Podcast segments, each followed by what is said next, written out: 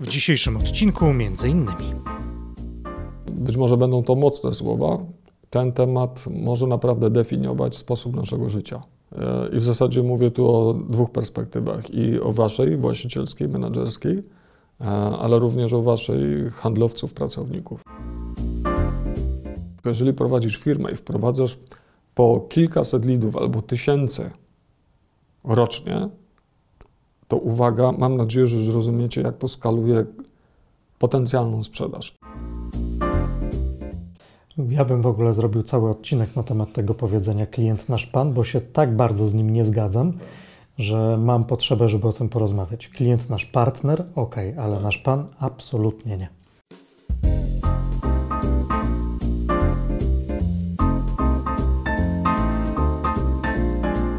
Witajcie w kolejnym odcinku naszego podcastu. My nazywamy się Oskar Płokis i Michał Ebert. To już czwarty nasz e, odcinek. Jeżeli nie mieliście okazji posłuchać naszych pierwszych trzech, to bardzo serdecznie do tego zachęcamy, bo one tworzą pewną ciągłość i całość. W pierwszym mówiliśmy o drodze bólu, o pewnych bolączkach i problemach, z którymi muszą mierzyć się czy to handlowcy, czy to właściciele firm i przedsiębiorcy. Później w drugim zaczęliśmy dawać tak naprawdę dopiero antidotum, pewną odtrutkę na te różne e, bolączki. Trzeci odcinek poświęciliśmy już konkretnej technice komunikacji, bardzo ważnej z perspektywy menedżera i również z perspektywy sprzedawcy, handlowca, pracownika, czyli o kontraktowaniu. No i czwarty odcinek, drogi Oskarze, poświęcamy tematowi, który wiem, że jest Twoim konikiem. Tak, witajcie serdecznie. No, y, fajnie, że powiedziałeś o tym antidotum, że zaczęliśmy już podawać i do tego E, nie mogłem się doczekać, aż przejdziemy do jednego z głównych tematów, które są antidotum na bolączki przedsiębiorców. E, dla mnie fundamentem, czyli po prostu standardów. E, można nazwać je również instrukcjami, manualami, jak ktokolwiek chce, ale no, rzeczy, bez których żadna dojrzała firma no, dłużej nie będzie moim zdaniem w stanie utrzymać się na rynku E, coś, co zapewnia stabilność, mniejszą rotację, e, konsekwencje. No i o dzisiaj o tym chcieliśmy porozmawiać, ale przede wszystkim e, wiem, że tutaj ci, którzy nas słuchają, mogą się zastanawiać, co mi to da, więc tak życiowo nazwijmy to. Standardy zapewniają więcej czasu. Więcej czasu, więcej spokoju. I to jest, myślę, takim chyba najważniejszym powodem, dla którego warto to robić. To ważna obietnica pada z Twoich ust, no bo teraz każdy mówi między innymi ze mną mhm. włącznie. Czasami zdarza się powiedzieć, no nie mam czasu, nie mam na to czasu, brak mi czasu, tyle do roboty. Mhm. Gdyby tylko doba była dłuższa. Mhm. Więc jak pada teraz y, pewne stwierdzenie z Twoich ust, że ten standard może mi czas zaoszczędzić, to ja otwieram uszy i słucham uważnie. Ja proponuję w takim razie, bo my się identyfikujemy jednak bardziej z historiami, które są naszym udziałem, więc ja mogę się podzielić moimi, wydaje mi się, jedną lub może dwoma, które mogą Was zaciekawić i które pewnie u Was też występują. E, ja prowadząc kiedyś firmę, miałem tyle różnych zajęć, było tak tego dużo, że wpadłem w pewną pułapkę. E, na czym ona polegała? miałem tyle rzeczy do zrobienia, i cały czas miałem obawę, że nie zdążę ich zrobić, że robiłem je na szybko, trochę po łebkach, e, bo zaraz była następna rzecz, tak? Plus miałem obawę, że jeżeli ten jeden temat nie dowiozę, no to na przykład nie będzie pieniędzy z tego tematu, to dlatego muszę jeszcze jeden szybko zaraz zrobić i jeszcze trzeci projekt rozpocząć, tak? Żeby e, mieć większą szansę na e, dowiezienie tematów, czy też na zarobienie pieniędzy dla firmy. Tak? No więc e, mówiąc wprost, ślizgałem się po tematach, one nie były dobrze jakościowo zaopiekowane i koniec końców wydawało mi się, wyglądało to dobrze, że jestem cały dzień zarobiony, pracuję po kilkanaście godzin, e, masę telefonów, maili, spotkań, dzieje się naprawdę dużo, prawda? E, jeszcze można o tym, tak widzimy, na social media opowiadać, tak, jak dużo dzisiaj się u nas dzieje. E, no ale koniec końców, jak ktoś by tak usiadł per saldo na koniec dnia i podsumował, jaki jest efekt tego końcowy, w sensie coś dowiezione, no to się okazywało, że tak naprawdę niewiele. Nie? I dlaczego? Dlatego, że nie zostało to jakościowo dobrze zrobione. I jeżeli to wypychałem gdzieś dalej e, do klientów czy pracowników, to oni tego nie brali, tak? bo to ich nie przekonywało. W poprzednim odcinku mówiliśmy o jakości decyzji, niskiej jakości i wysokiej. I można to też do tego podłączyć. No więc to jest taka jedna rzecz, e, tytułem trochę wprowadzenia do tego, dlaczego standardy są potrzebne i dlaczego one kreują czas. To jest też takie fajne powiedzenie. Standardy kreują czas. Brak standardów zabiera nam czas. Myślę, że to też jest takie dobre, dobre powiedzenie na tą okoliczność.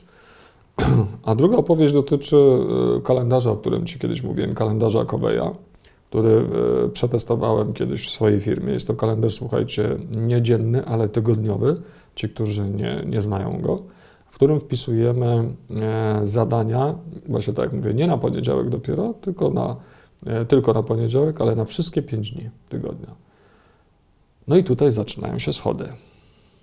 I okazało się, że zdecydowana większość ludzi u mnie miała ogromny problem, żeby wypełnić ten kalendarz. Dlaczego? No bo właśnie byli w trybie tak zwanej, nazwijmy to głównie bieżączki i responsu. Czyli klient zadzwoni, klient będzie chciał coś, klient będzie chciał pojechać na prezentację, na negocjacje, no to się kalendarz zapełnia, prawda? Czyli ci, którzy czytali 7 nawyków skutecznego działania Coveya, y, pewnie pamiętają, że to jest ta pierwsza ćwiartka czasu, czyli rzeczy mhm. zarówno ważne niekiedy, ale przede wszystkim pilne, gaszenie pożarów, kryzysy, zarządzanie tymi kryzysami. Mhm. E, no i później już nie wystarcza czasu na tę najważniejszą strategiczną drugą ćwiartkę, czyli na rzeczy ważne, ale nie pilne, czyli takie, które dotyczą misji, wartości, jakiegoś życia rodzinnego, duchowego, to trzeba sobie zaplanować zawczasu, wpisać właśnie w ten kalendarz. Wiem po sobie, że to mi sprawiało, y, no, no, potrzebowałem dużo wysiłku, żeby dobrze go wypełnić. Mhm. A przekazanie tego ludziom, jeszcze, tak jak tak. Ty próbowałeś to zrobić, domyślam się, że jest y, wymagające. E, bardzo, bardzo, uwierzcie mi. Zresztą zarazem opowiem, jak to się skończyło. E, więc e, wpisujemy na każdy dzień zadania i wpisujemy je w godzinach jeszcze na dodatek, tak? Czyli musimy sobie zaplanować, ile czasu zajmie mi na przykład wysyłanie gdzieś tam ofert do, do klientów, tak? E, ile czasu, czy to będzie godzina, analizowanie ofert dzisiaj, które są na rynku, ile czasu zajmie mi na przykład e, przeglądanie e-maili po południu, czy też rano, tak? No i w ogóle trzeba to ustawić priorytetowo, więc to jest kolejna nauka, tak? Co rano najpierw robię? Więc wiele rewolucji w głowie takiej osoby, która do tej pory była, e, poddawała się bieżączce. Do tego dodajemy jeszcze mm, osobiste E, aktywności, czyli na przykład spotkanie z rodziną, wyjście na lody z synkiem, gdzieś tam w weekend w piłkę. I to są takie rzeczy, które też nie jest tak się ślizgamy, co, no coś tam będzie, to będzie, tak? Gdzieś tam pójdziemy, to pójdziemy. Tylko, że powiem Wam szczerze, że jak zaczęliśmy wypełniać e, prywatnymi e, aktywnościami, które uwzględniały również czas dla siebie, na regenerację, na odpoczynek, na jakiś może sport, to okazywało się, że ja widziałem, że ci ludzie też my nie zwracamy na to uwagi. Znaczy, nie zwracamy uwagi na siebie. Prawda? I dlatego uważam, że warto jednak to robić po to, żeby zaopiekować się również sobą. Bo jeżeli tego nie robimy, to po prostu płyniemy, nie? Płyniemy z tym, co się tam wydarzy. No i gdzie wtedy jest czas dla nas, jakiś zaprogramowany? Tak jak się mówi o tym słomianym zapale, tak, czy tam noworocznych postanowieniach. Będę chodził na siłownię tam, nie? tam dwa razy w tygodniu. No super, tylko że po trzech miesiącach okazuje się, że chodzisz raz w tygodniu albo już przestałeś de facto, bo, no bo coś się cały czas wydarzało ja nie, i mówisz, ja nie mam czasu. Tak? Mhm. Czyli sugerujesz, żeby częścią standardu pracy było prowadzenie takiego kalendarza? Jeżeli będziemy rozmawiać o kalendarzach, to kalendarz jest w ogóle must have, nie? To, to jest w ogóle obowiązek. Znaczy w pracy kalendarz musi być prowadzony. E, tutaj mówimy o bardziej rozbudowanej wersji, no i ja opowiadam jakby historię, która jest jakby takim intro do dzisiejszego tematu. No i teraz e, już podsumowując, mm, co się okazało? Po dwóch tygodniach, mm, bo mieliśmy e, co tydzień oczywiście spotkania i podczas tych spotkań, ja bardzo w delikatny sposób, bo nie chciałem narzucać, bo wiedziałem, że to jest duża rewolucja, w delikatny sposób zachęcałem do rozmowy, do, do przegadania tego, co jest w tym kalendarzu. Ja pamiętam, że jeden z agentów e, powiedział mi, wyciąga kalendarz pusty. Ja mówię, a dlaczego nie wypełniłeś, co się stało? A on mówi do mnie, wiesz co, Oskar, jak miałem to wypełnić, to dostałem migrenę. Wyobraź sobie, jaki był wewnętrzny protest przeciwko temu. Nie? Mhm. Już psychosomatyczne No, no, objawy no, się no, pojawiły. no po prostu coś dużo. niesamowitego. Nie? Mhm. E, wypełniliśmy wspólnie ten kalendarz, bo oczywiście wiesz, ja, ja pomagałem go wypełnić, tak? I następnego tygodnia się spotkaliśmy znowu i tam było dużo rzeczywiście tych aktywności. Tylko miałem wrażenie, że z tych aktywności chyba niewiele właśnie wynika na koniec dnia, bo to też jest ważne, co my tam wpiszemy, tak? Jak zaplanujemy tą pracę, gdzie ona, e, gdzie ona zdąża, do czego. I zadałem pytanie, słuchaj, a Marek, nie, a no dużo tu się działo podczas tego dnia, a powiedz tak na koniec dnia, co zakończyłeś jakimś efektem z tych aktywności, które robiłeś? I pamiętam, że zapadła grobowa cisza, nie? Bo on sobie uświadomił, że tak naprawdę nic nie osiągnął podczas tego dnia. On po prostu bardzo dużo rzeczy robił, napracował się, ale to nie były aktywności, które go pchały do jakiegoś celu, czy to biznesowego, czy osobistego. To pokazuje, jak wiele można sobie pomóc tak naprawdę, e, czy to planowaniem, czy standardem, instrukcjami, manualami i, i dzięki temu kreowaniem czasu. Okay? Te instrukcje bardzo mi się podobają, że, że też o nich mówisz, bo e, powiem Ci szczerze, że nigdy nie byłem fanem instrukcji. Zanim Mhm. nie rozpocząłem pracy jako agent i do mnie nie dotarły pewne rzeczy, zanim nie zostałem szkoleniowcem i zobaczyłem, że instrukcje są konieczne w mojej pracy Mhm. i że Mhm. lubię je dawać, tylko trzeba je odpowiednio opakować. I wtedy ludzie się cieszą, bo wiedzą, co robić. To Mhm. zanim to się wszystko wydarzyło, to ja byłem takim gościem, który wiesz, kupował y, biurko albo nie wiem, szafę w Ikei, po czym wyrzucał instrukcję i Mhm. mówił, dobra, to ja sobie poradzę. Michał, to ja mam do Ciebie taką prośbę i do Was wszystkich. Kupcie sobie taką dużą szafę w Ikei i jak otworzycie ją, tam będzie instrukcja. Proszę, ją, żebyście ją podarli i Mhm. wyrzucili do śmieci i podjęli challenge złożenia Tak, szafy. ja tak robiłem. No i wyobraź Tak. sobie, że ja składałem te szafy, Znaczy wyrzucałeś... e, wyrzucałem instrukcję instrukcję. gdzieś tam w kąt. Rozumiem. A to była dobra. duża szafa czy komoda taka 50 cm? Różnie, nie ma to znaczenia, bo tak czy inaczej, taką komodę moja dziewczyna później, idąc instrukcją, składała w godzinę, Mhm. nie napracując się, jeszcze sobie kawę zrobiła po drodze. Tak. A ja klnąc siedziałem nad tą komodą, y, wiesz, po turecku na środku salonu 4 godziny i próbowałem dopasować jeden element do drugiego, czyli innymi słowy wyważałem otwarte drzwi. Nie korzystałem z czegoś, co już zostało zaprojektowane, rozrysowane krok po kroku. No i potem zmądrzałem oczywiście, no bo w innym wypadku bym pewnie nawet tutaj z Tobą nie, nie siedział. E, I zdałem sobie sprawę, że tego typu rozrysowane, fajne instrukcje krok po kroku, one nie tylko oszczędzają czas, ale i nerwy i dają przestrzeń, spokój. Stałem się ich wręcz powiedziałbym fanem, dlatego też czekałem na ten dzisiejszy odcinek. Mhm. No właśnie, wiesz, i to jest fajnie powiedzieć, oszczędziło ci nerwów.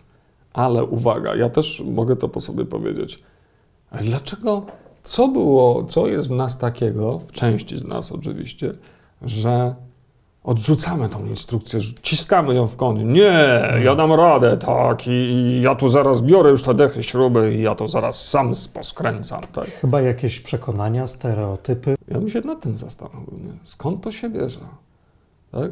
I czy za tym nie stoi właśnie to, co żeśmy rozmawiali na początku podcastu, pierwszego odcinka, że będą się przewijały też wątki psychologiczne, nie?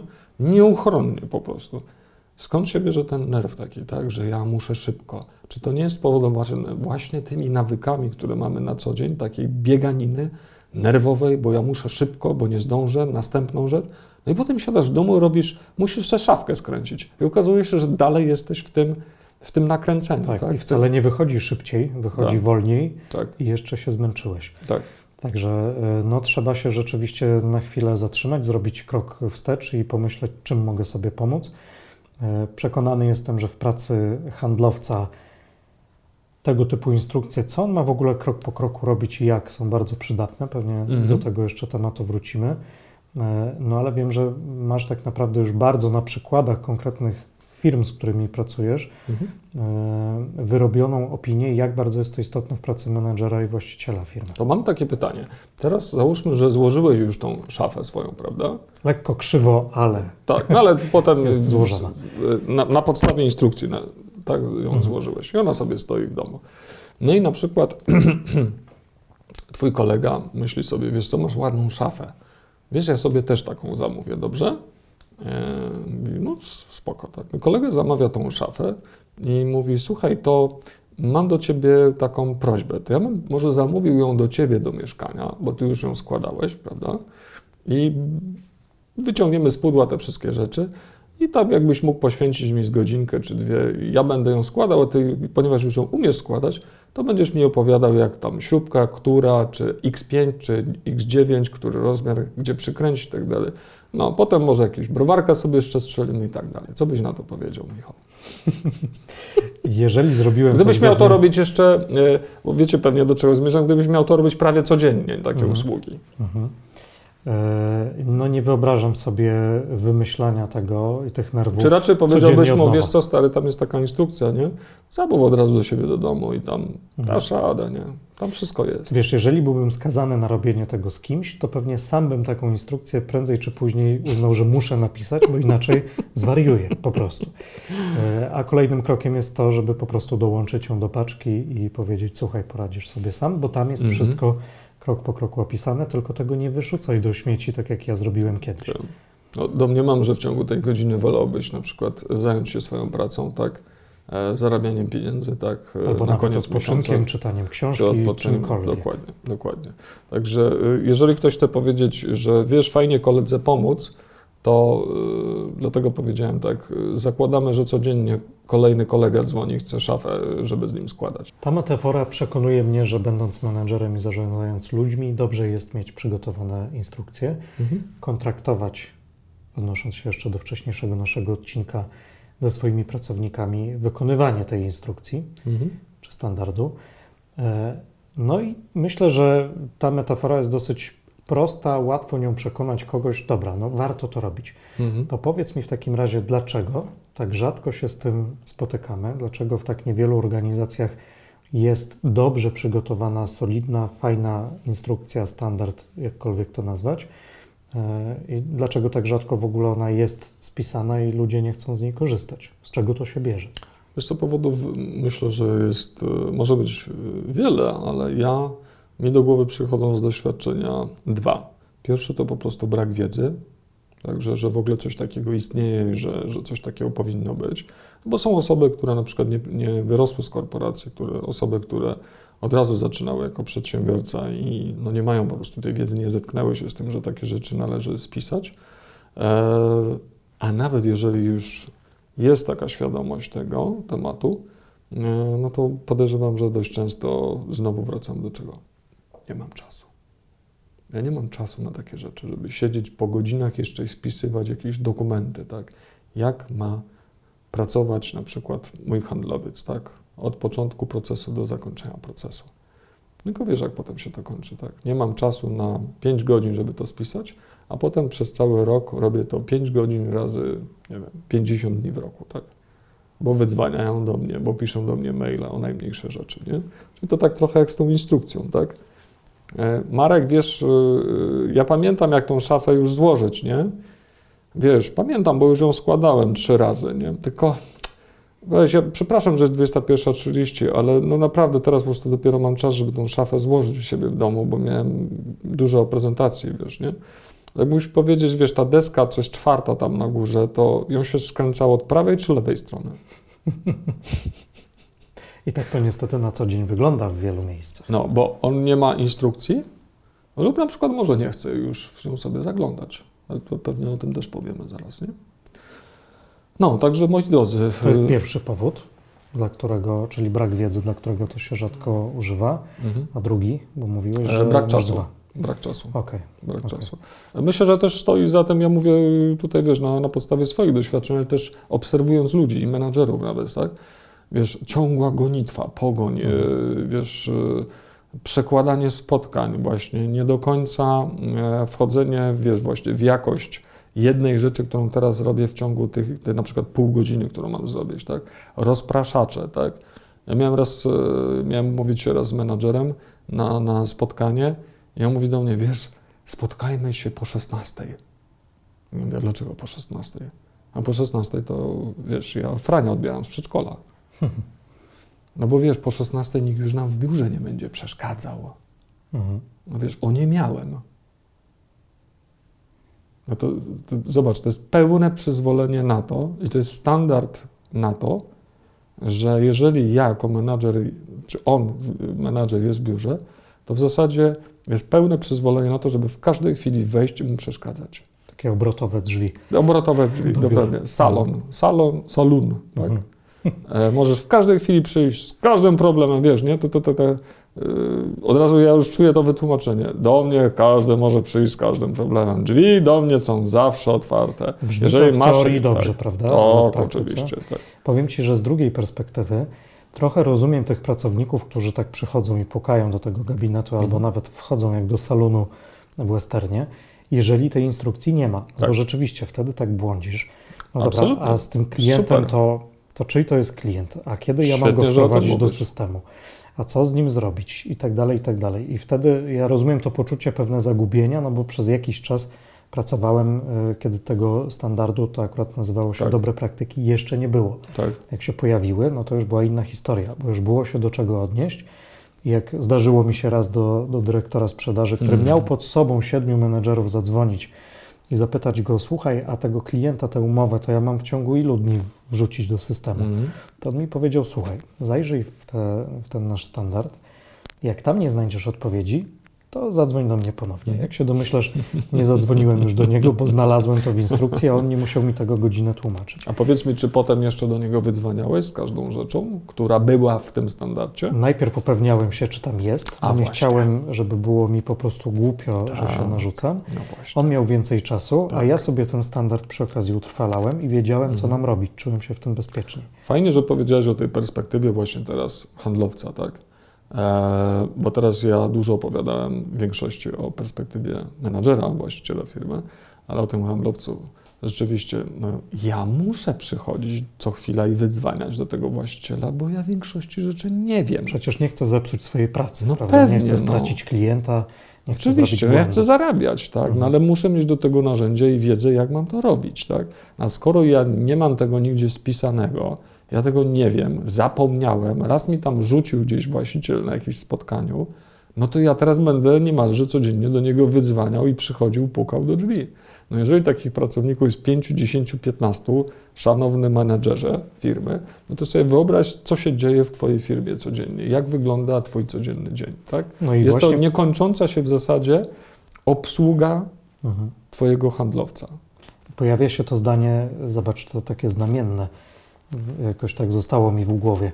Spotkajmy się po 16, bo już nikt nam nie będzie przeszkadzał wtedy. Tak, tak. Czyli on trochę, ten menedżer, zaczyna alergicznie reagować na swoich pracowników, których y, powinien no, otaczać jakąś opieką, mm. ale nie wie, jak, jak, ją, jak to zrobić, tak. więc oni zaczynają mu przeszkadzać i się tak. nawzajem jedna i druga strona zaczyna irytować. Hmm. No jest to, słuchajcie, to jest temat rzeka mi bardzo bliski, nawet dzisiaj chyba mam wrażenie, że trochę unoszę głos. E, tak bardzo jest to dla mnie ważny i ciekawy temat. E, ale myślę, że dlatego, że e, być może będą to mocne słowa, ten temat może naprawdę definiować sposób naszego życia. Tak? I w zasadzie mówię tu o dwóch perspektywach: i o waszej właścicielskiej, menedżerskiej, ale również o waszej handlowców, pracowników. Tak? Naprawdę, no ja już trochę, trochę lat mam. Nie jest to jakaś tajemnica 45 i sporo już przeżyłem i widziałem i no, jak to się mówi, warto starszych słuchać. Jeżeli ktoś tam jest ode mnie młodszy albo mniej przeżył, to zachęcam jednak do tego, żeby zamknął się któregoś dnia w pokoju i zastanowił nad tym, co do tej pory robił, jak pracował, jak sobie organizował czas, e, żeby się skończył ten chaos i kociokwik, jak to niektórzy mówią, no, który po prostu często nie przekłada się na rezultaty, ale co gorsza jeszcze, codziennie produkuje stres i napięcia. Ile, ile lat można tak żyć i funkcjonować? I tu przed wejściem na antenę, nazwijmy to, chwilę też rozmawialiśmy sobie i padło takie słowo stereotyp. Na ile uważasz, że może być w głowach ludzi i menedżerów, i pracowników takie przekonanie, mhm. że standardy, instrukcje to w korpo, tam gdzie byli ci źli, co mnie skrzywdzili, bo się tam źle czułem, na przykład. To jest jeden z powodów, dla których niektórzy ludzie czasami wychodzą z korporacji, bo chcą inaczej to zrobić. No i robią biuro nieruchomości, robią swój biznes albo idą do niego i chcą się uwolnić od tych karbów, od tych cugli. No ale też to okazuje tak. się, że nie działa do końca dobrze. Tak, to jest y, standard myślenia o standardzie. Mhm. Może tak trochę powiem. Bardzo często. Ja niedawno miałem wymianę taką korespondencyjną z właścicielką firmy, która e, odniosła się do mojej publikacji na temat pracy na CRM-ie e, i też standardu, tak, żeby ludzie wiedzieli, jak mają pracować, co mają robić, e, jakie są wymagane rzeczy od nich, jeśli chodzi o wprowadzanie danych do CRM-u.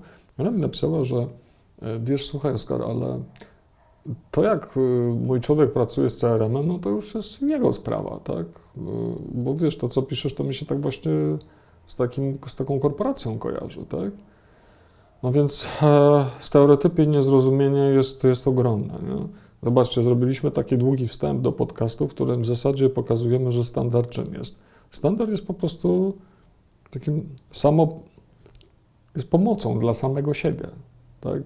Pomocą dla innych ludzi, uporządkowaniem, dzięki któremu lepiej nam się żyje e, z mniejszym stresem.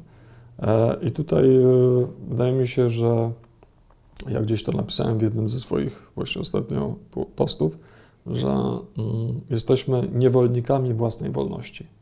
Idziemy hmm. często do takich zawodów, w których wydaje nam się, że będziemy, nie wiem, freelancerami, tak, że będziemy handlowcami, że będziemy na prowizji, nie będziemy może na etacie i będzie nam tak e, dzięki temu swobodniej.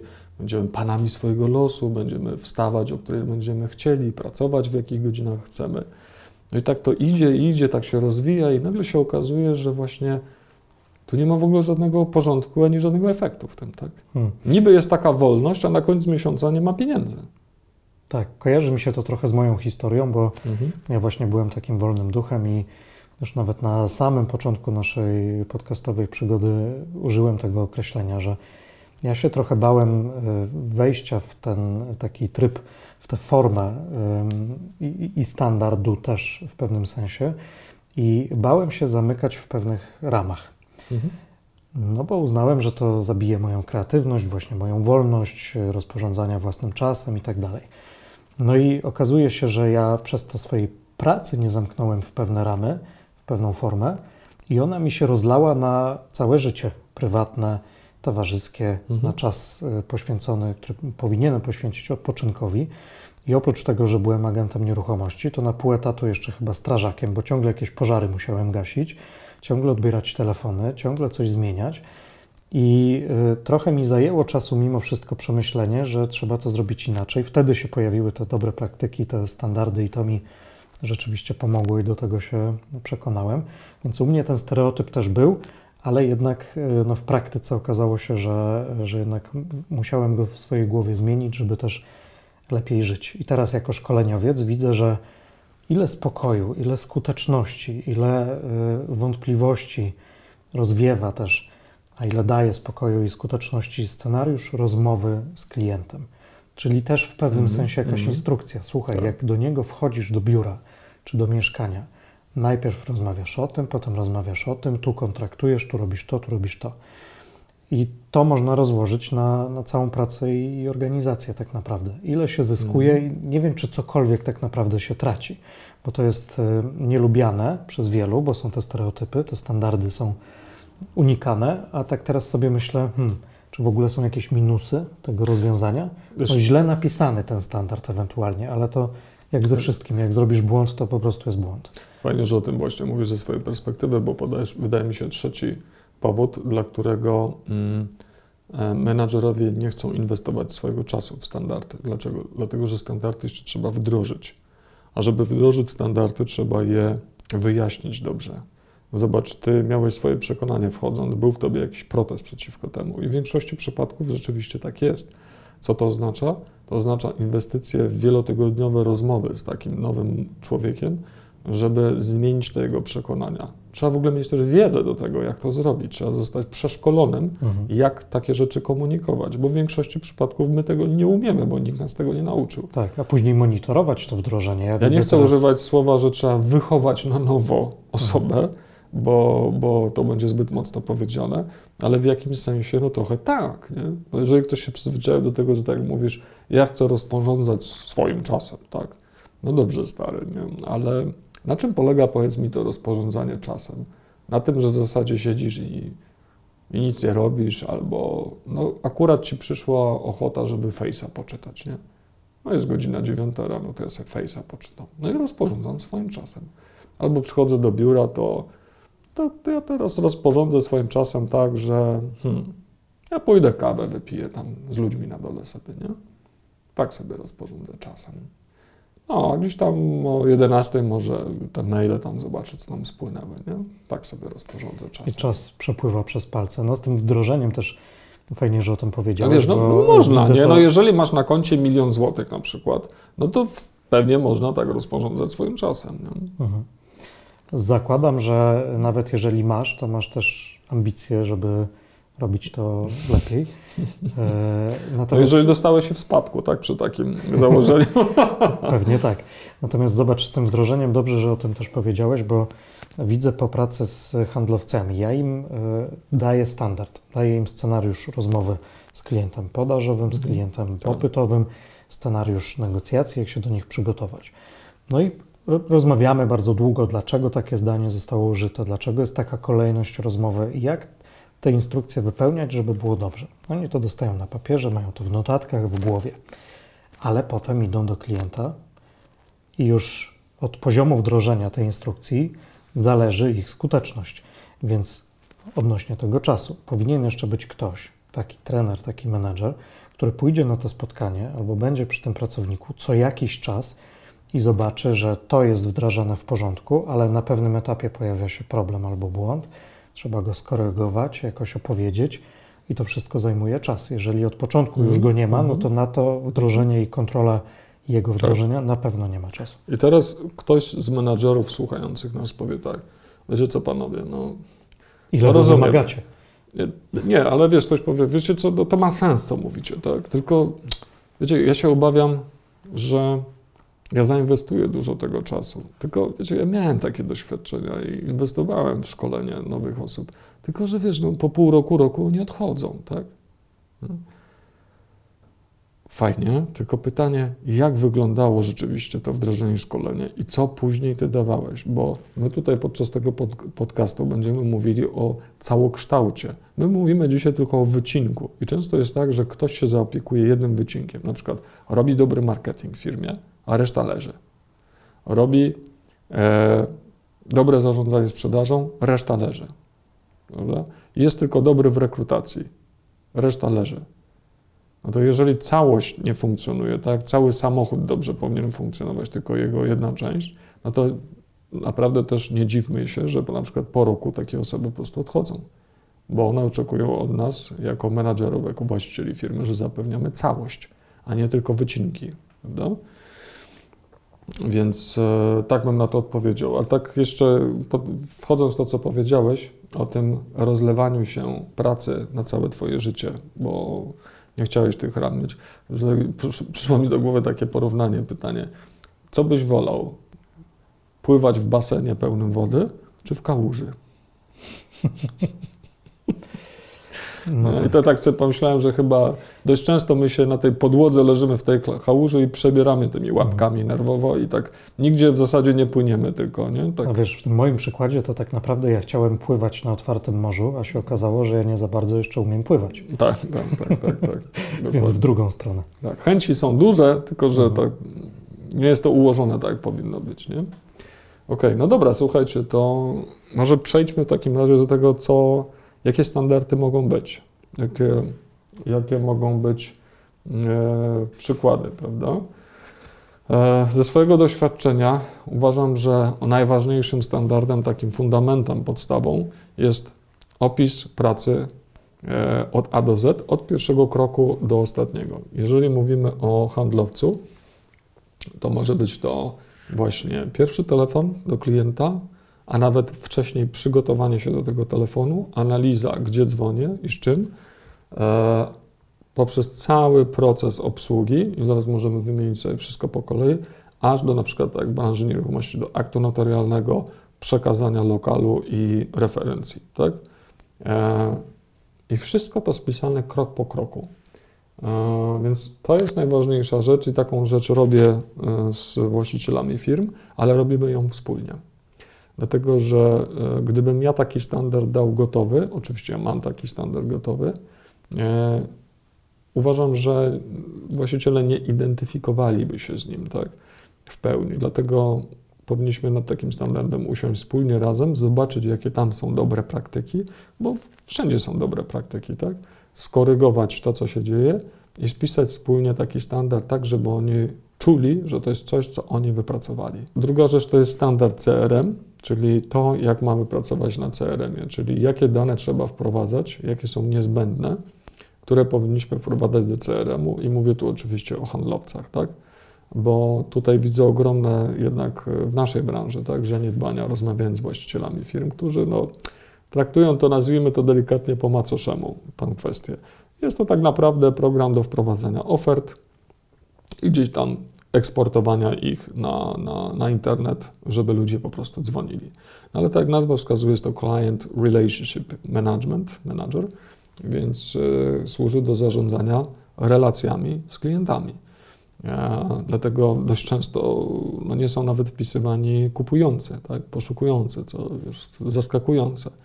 E, nie maczuje się tych dwóch stron, tak? czyli praca na przykład z poszukującym tutaj, tak? czy też korzystanie z kupujących, którzy są, jeżeli obsługujesz na przykład stronę sprzedającą. Tak? Wpisywanie e, wszystkich klientów, którzy się do nas zgłaszają. No to tutaj handlowcy co odpowiedzą, ale po co ja mam wpisywać wszystkich, skoro zdecydowana większość z nich to są Apache. No to dzwonią tam pogadać, tak. OK, tak? tylko że to są tak zwane lidy, które potem, nad którymi potem będziemy pracowali. Tak? Za dwa czy trzy miesiące albo za rok taki Apache może się okazać, że już jest gotowy. Tak. Bo już ma pieniądze, bo już tak. przekonał osobę decyzyjną, bo już problem, który chce rozwiązać na tyle wzrósł, że potrzebuje nowego mieszkania albo domu. Mhm. Zobaczcie. Tylko jak go nie wpiszesz, to on znika i on już kupi gdzieś indziej na pewno. Zobaczcie. Lead e, to jest takie słowo nowoczesne, nowe, którego nie wszyscy, nie, nie, wszyscy je rozumieją, nie wszyscy się z nim identyfikują. Więc wejdźmy w polskie nazewnictwo i sobie to e, rozkminimy dość głębiej. Lead to potencjalny klient, prawda? Czyli ktoś, kto w przyszłości potencjalnie może od nas coś kupić. I teraz ja pójdę dalej w tym. Dlaczego? Dlatego, że od lat zajmuję się również marketingiem. Więc spiąłbym tu klamrą dwie rzeczy, dwie wartości. Jedna z perspektywy sprzedaży, a druga z perspektywy marketingu. Dlaczego? Zobaczcie. Potencjalny klient to klient, który ma potencjał. Jak nazwa wskazuje. Tak? A co to oznacza jeszcze? Że wokół niego prawdopodobnie, z dużym prawdopodobieństwem, są kolejne osoby, które również mają potencjał. Czyli tu jest możliwość skalowania przyszłej sprzedaży tak? i świadomości również marki przy okazji. Więc jeżeli pan Marek ma potencjał na to, żeby kupić mieszkanie za 700 tysięcy złotych, no to rozumiemy, że ma jakąś pracę dobrą, tak, ma zdolność kredytową, ma być może gotówkę, tak. Ma kolegów w tej pracy. Czy to oznacza, że on się zadaje na przykład z bezdomnymi, bezrobotnymi? No nie, no, zadaje się prawdopodobnie z ludźmi podobnymi do siebie, tak? którzy też mają jakąś pracę, być może też będą planować zakup mieszkania. I teraz tu jest właśnie ten problem, że my w firmach myślimy bardzo krótkofalowo. Co ja w najbliższym miesiącu sprzedam, tak? Nie budujemy troszeczkę, ja to nazywam emerytury naszej, tak? Bo jeżeli pan Marek kupi od nas za pół roku mieszkanie, to super, fajnie, nie? Czy tam za miesiąc, tak? Ale jeżeli jeszcze by jego dwóch kumpli kupiło za 3 lata mieszkanie od nas, to to jest super. I teraz jak ludzie słuchają, ja mówię o tym, to mówią, no to wiesz, to patrzą na perspektywę jakiejś jednej osoby. Tylko jeżeli prowadzisz firmę i wprowadzasz po kilkaset lidów albo tysięcy rocznie, to uwaga, mam nadzieję, że zrozumiecie, jak to skaluje potencjalną sprzedaż. Ile tych marków w najbliższych latach się pojawi i jego kumpli do sprzedaży. Tylko trzeba się nimi zająć, ale najpierw warunkiem jest ich wprowadzenie w ogóle. Nie? Mhm. Czyli z tego, co mówisz, wynika, że nie tylko schemat, yy, czy bardziej standard pracy handlowca, mhm. ale również standard pracy na CRM-ie, na CRM-ie, który bierze pod uwagę te lidy. I jeszcze z tego wynika, że standard może być w dziale marketingu konkretny, jak te lidy mhm. pozyskiwać, mhm. co z nimi robić, tak? Tak, no tylko wiesz, pamiętajmy, że jednak u nas w branży na przykład jest tak, że zapytanie przychodzi na e-maila handlowca, tak? Mhm. Więc tutaj właśnie musi być ten standard, jasne wymaganie, że każdy z nas, umawiamy się, zabieramy taki kontrakt zgodnie ze standardem, że każdy z nas ma obowiązek wpisania adresu e-mail od każdego, kto zadzwoni i każdego, kto wyśle zapytanie mailowe. Jest polecenia, z baneru, whatever, to jest bez znaczenia, nie? E i to się musi znaleźć. Tak? Ja prowadziłem takie badania i okazywało się, że e, liczba osób, e, które wysłały tylko zapytanie, tutaj nie liczę telefonów, e, to, i która lądowała w CRM-ie, to było ponad połowę mniej. Czyli załóżmy, 200 osób zgłosiło się w miesiącu, za które zapłaciliśmy, zapłaciłeś menadżerze, właścicielu firmy, a zespół wprowadził na przykład 80 tylko mhm. klientów do CRM. Czyli już marnujesz pieniądze, bo zapłaciłeś tak. za te lidy, a dodatkowo masz kopertę i masz w niej jakąś sumę pieniędzy mhm. i być może będziesz mógł tę kopertę sobie otworzyć i wyjąć z niej pieniądze, ale nie dziś, tylko za pół roku mhm. i świadomie też ją wyrzucasz do kosza. To teraz właścicielu posłuchaj dalej. Jeżeli 120 lidów nie zostało wprowadzonych e, w ciągu miesiąca, to pomnóż sobie to razy cały rok. To wychodzi ponad tysiąc potencjalnych klientów i ich kumpli, znajomych i koleżanek, które mogą kupić nieruchomość, za które zapłaciłeś, ale wyrzuciłeś to po prostu do kosza. Nie? Mówiąc tak w prosty sposób i brutalnie. I pewnie można próbować to monetyzować, mając oczywiście tę niewiadomą ilu y, potencjalnych kolejnych klientów ten pan mhm. Marek y, Twój poleci ale nawet biorąc pod uwagę czystą konwersję, ile lidów ja potrzebuję, żeby zrobić transakcję. Oczywiście, lejek, tak? Lejek sprzedażowy lejek czy marketingowy, tak, dokładnie.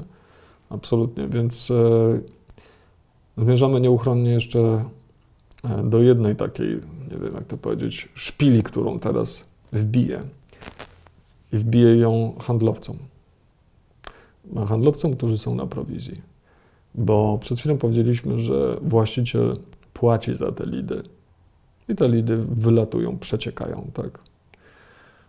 No nie jest do końca tak, że płaci za nie właściciel tylko. No często jest tak, że handlowcy mówią, e, no co nas tak, to obchodzi, nie? No, to właściciel płaci za, za te ogłoszenia, za to wszystko, tak.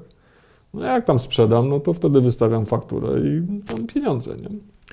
Tylko, że tak naprawdę to ty, handlowcu, umówiłeś się na pewien kontrakt z właścicielem przy podziale prowizyjnym. Nazwijmy to 50-50. 50% dla firmy i 50% dla ciebie na fakturze.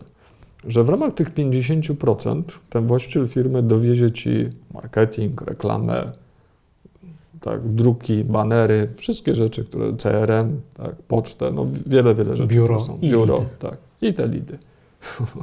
Więc tak naprawdę Połowa pieniędzy, która wyleciała, to jest połowa z Twoich pieniędzy. I tutaj, z tego co widzę, jest bardzo niska świadomość tego. Nie? No tego się tak nie odczuwa od razu. Tak. Trochę tak, jakbyś płacił kartą mhm. kredytową, no to nie wyciągasz tej gotówki, nie widzisz jej fizycznie, więc cię to tak bardzo nie boli. Oni nawet Ale nie mają świadomości, że pieniądze. płacą. Mhm. No, nie ma, w ogóle nie istnieje świadomość, że oni za coś płacą. Nie ma tego. No. I gdyby ta świadomość była, ci handlowcy zaczęliby przychodzić do tego menadżera i od niego wymagać. Słuchaj, a co za nasze pieniądze ty zrobiłeś w tym miesiącu? O właśnie, i odwraca się to. Ile lidów dowiozłeś, tak? Mhm. I on mówi, dowiozłem tyle, a ile wy wprowadziliście? I zaczynamy się poważnie traktować. Jak nie ma standardu, w którym jest to opisane, co mhm. po kolei robić, ile i y, co kto może wymagać, no to trudno się do czegoś odnieść, prawda? Nie mhm. ma takiej jakiejś nadrzędnej ustawy, którą ewentualnie może sobie menadżer czy dyrektor tak. interpretować i może rozstrzygać jakieś spory, tylko codziennie są kolejne problemy, kolejne wątpliwości. I od razu tutaj powiem jedną rzecz, bo być może słuchający już przebierają nogami, żeby powiedzieć Oskar, ale nie da się dostać, otrzymać e-maila podczas pierwszej rozmowy telefonicznej. I co się wtedy dzieje w CRM-ie? Wpisują, tak, brak adresu, albo Zośka 666. tak. Diabelska Zośka. Nie, moi drodzy, jest na to sposób i można to zrobić. Ale to już można przy innej okazji. To już jest y, kwestia może bardziej tematu, y, jak rozmawiać, jak przeprowadzać rozmowę telefoniczną, więc, y, więc już skryptów mhm. i scenariuszy rozmów telefonicznych. I nie mówię tego jako teoretyk, tylko jako praktyk, Ale bo tak, w mojej agencji się, były, wprowadzone, były wprowadzone w 99% e, wszystkie e-maile od osób, które pierwszy raz dzwoniły.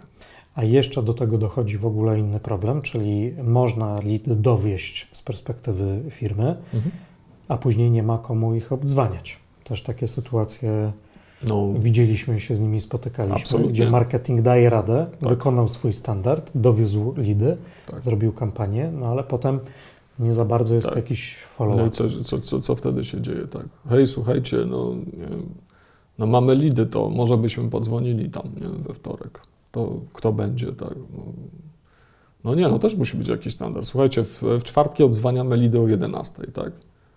No i wy też patrzcie na to w kalendarzu swoim, wpiszcie to już teraz z tygodniowym wyprzedzeniem. Jest to stałe na przykład wydarzenie, które jest i proszę, żebyście nie umawiali swoich spotkań, tak? No i tutaj już od razu być może podniesie się bunt, ale jak to, zadzwoni klient, to klient nasz pan, tak? To ja, nie, ja wtedy już nie przychodzę, nie? Też do szerszej dyskusji. Ja bym w ogóle zrobił cały odcinek na temat tego powiedzenia klient nasz pan, bo się tak bardzo z nim nie zgadzam, tak. Że mam potrzebę, żeby o tym porozmawiać. Klient nasz partner, ok, ale tak. nasz pan absolutnie nie.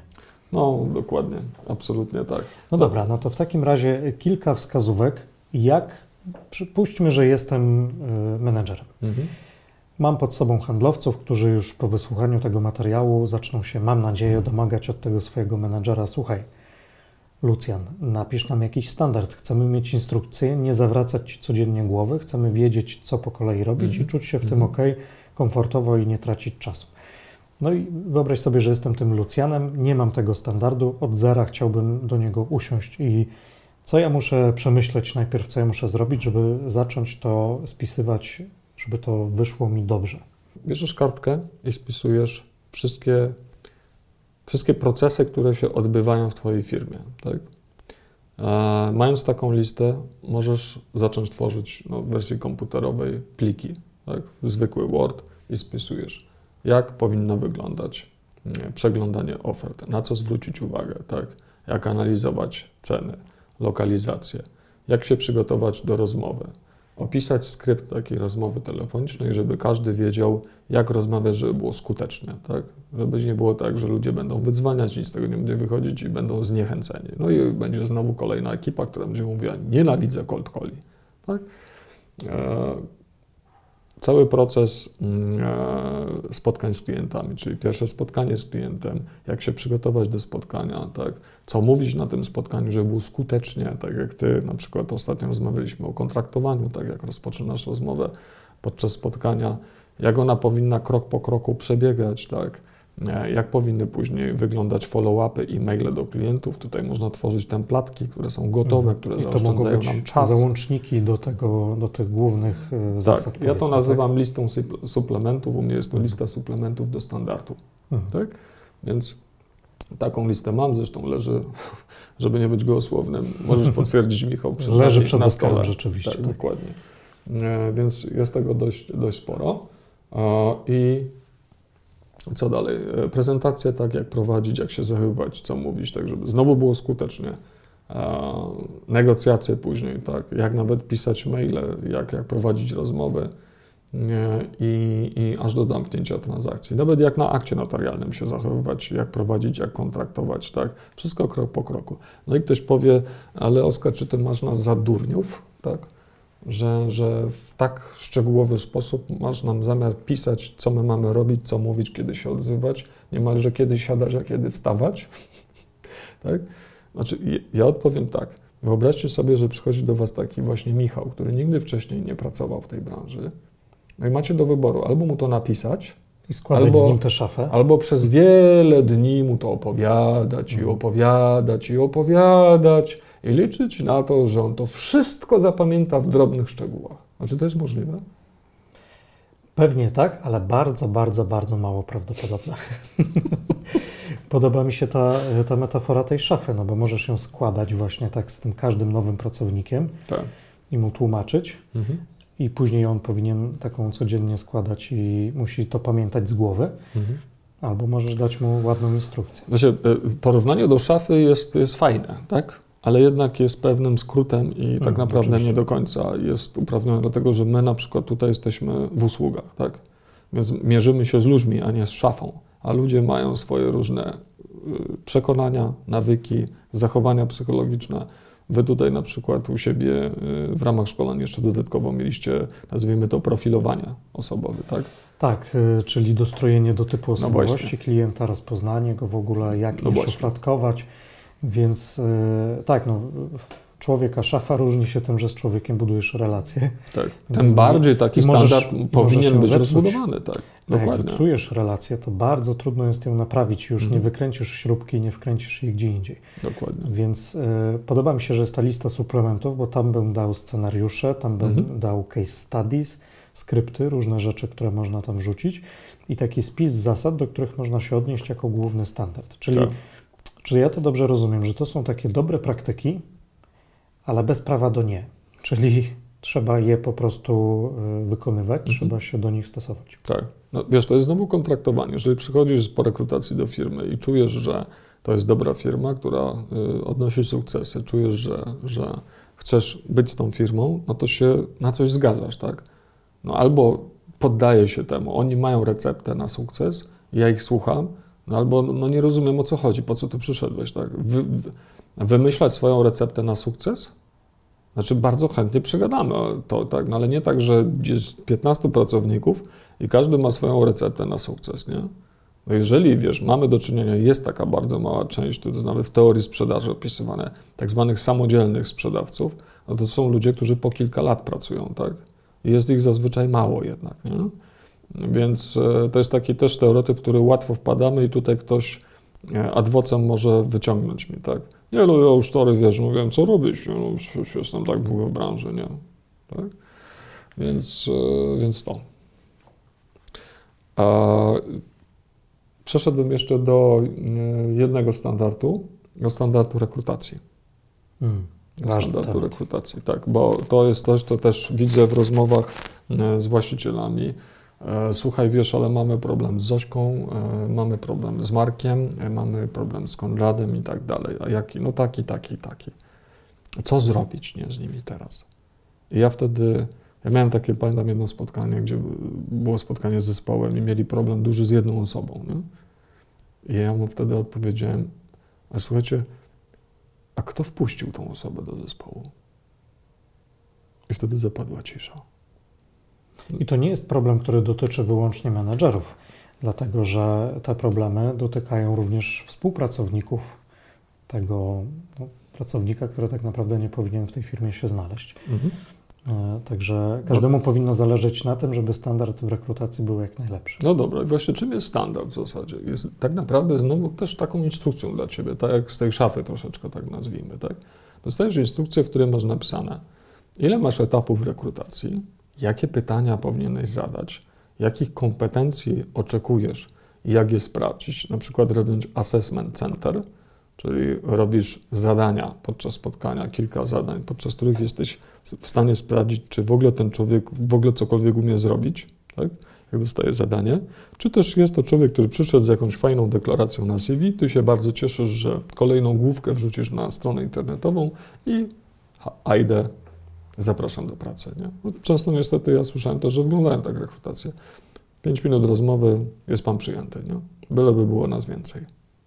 No to już bo oczywiście już skrajny przypadek po, podaję, ale, ale tak, e, pełna instrukcja do tego, jak zrobić to dobrze, tak? Żeby nie wpuszczać mm, niewłaściwych osób e, na swój pokład, nie?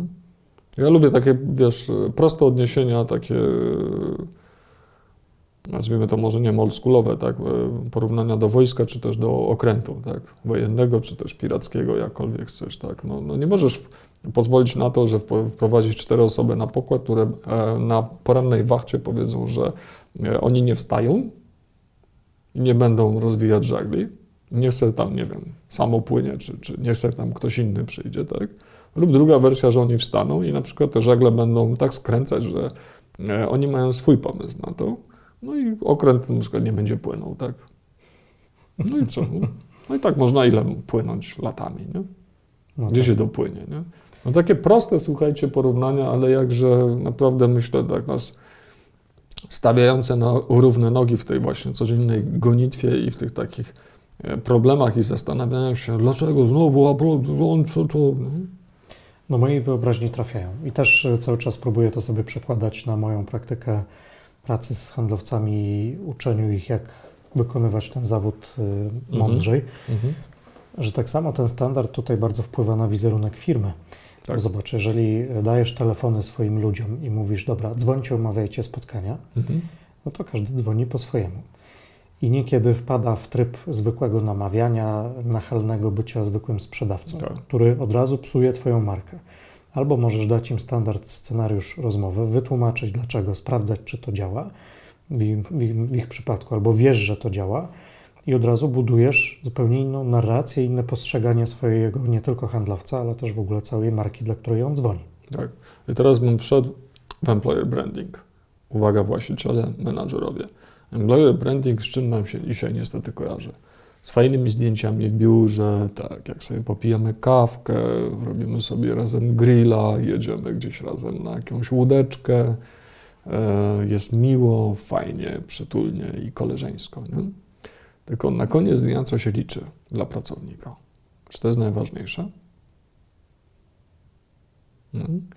I teraz, jeżeli przychodzi osoba na rekrutację i widzi na rekrutacji i słyszy od rekrutującego menadżera czy też właściciela, że w tej firmie mamy wszystko ładnie uporządkowane, opisane, mamy plan pierwszego, drugiego, trzeciego dnia z tobą, dowiesz się, co masz robić, jak masz robić, kiedy robić, po co robić, masz to wszystko ładnie opisane, no to on bez względu na jego poziom świadomości, doświadczenia, no widzi, że to jest tu poukładana jakaś firma, nie? Versus firma, w której w ogóle takie coś nie istnieje. I on przychodzi na pierwszy dzień pracy, ma mieć szkolenie, a właśnie mówi, słuchaj stary, poczekaj, wiesz, muszę przełożyć o pół godziny nasze szkolenie, bo tu zadzwonił klient, wiesz, do mojego agenta, musimy tam, wiesz, razem to ogarnąć, bo inaczej upadnie ta transakcja, więc musimy to ratować, nie? Więc to, nie? no i on siedzi tak pół godziny w tym pokoiku i tak siedzi, biedny.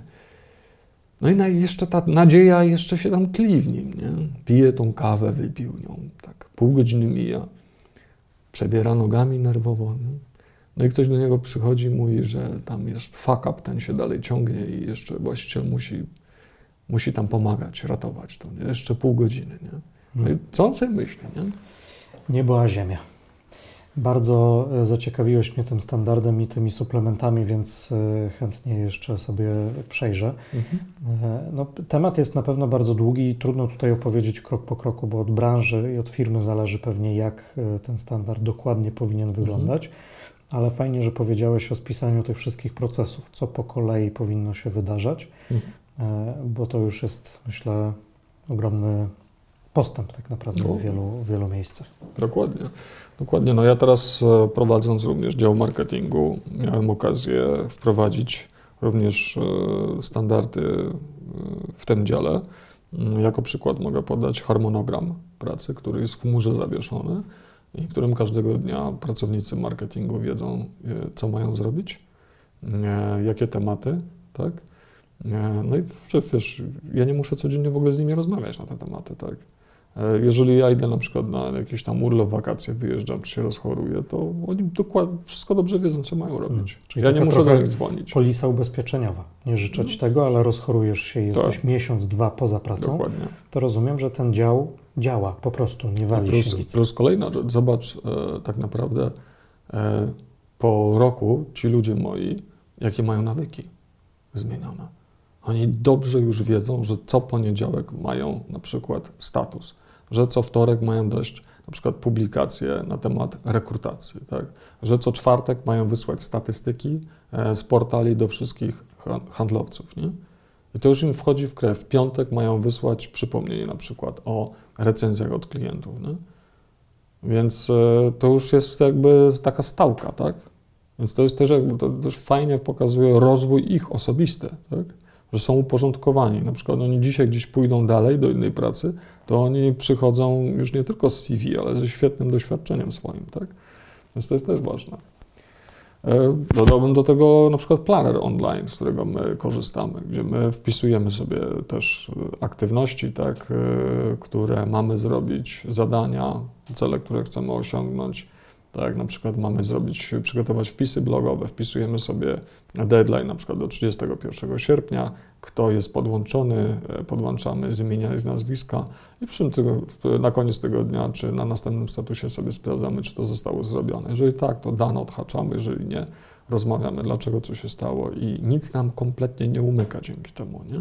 No i też wpisałbym to w standard. I to jest piękna sprawa dla menadżera. Mi się przypomina, że nie powiedzieliśmy jeszcze o całym systemie follow-upów, tak? Gdzie, wiesz, sami właściciele mówią, że wiesz, Oskar, fajnie, bo nawet czasami, wiesz, ludzie jak dzwonią i to dużo, to robią dużo roboty, tylko że tak naprawdę nic z niej na koniec dnia nie wynika, czy tam na koniec miesiąca, przepraszam, bo oni później nie robią follow-upu. Bo najpierw klient być może nie jest zainteresowany, no wiadomo, trzeba go dogrzać, tam trzeba złapać relację zaufania, ale potem już nie dzwonią i nie ma na to systemu, nie? No i kto ma to robić? Znowu menadżer co tydzień, słuchajcie, wiecie, no zadzwońcie tam, nie, do, do tych, co dzwoniliście. No przecież to, to nie ma prawa działać, nie? To co ty na to, żeby zrobić e, specjalnie poświęcony temu odcinek, czyli mhm. zarządzanie tymi follow-upami wedle standardu, jak to mhm. powinno wyglądać mhm. z twojej perspektywy, a ja podzielę się tym, jak e, technicznie można taki follow-up zrobić, jak rozmawiać z tym klientem, żeby to miało sens, ręce i nogi, żeby działało. Będzie, słuchajcie, bardzo dużo ważnych tematów do omówienia. Także zachęcamy Was, żebyście z nami zostali e, i słuchali naszego podcastu. Zachęcamy też do kontaktu. Można się z nami skontaktować przez e, Facebooka. Jeżeli będziecie chcieli porozmawiać czy o standardach, czy o psychologii sprzedaży, to przecież jesteśmy otwarci na rozmowę. Oczywiście, zapraszamy serdecznie. Michał Ebert. Oskar Płukis, cześć.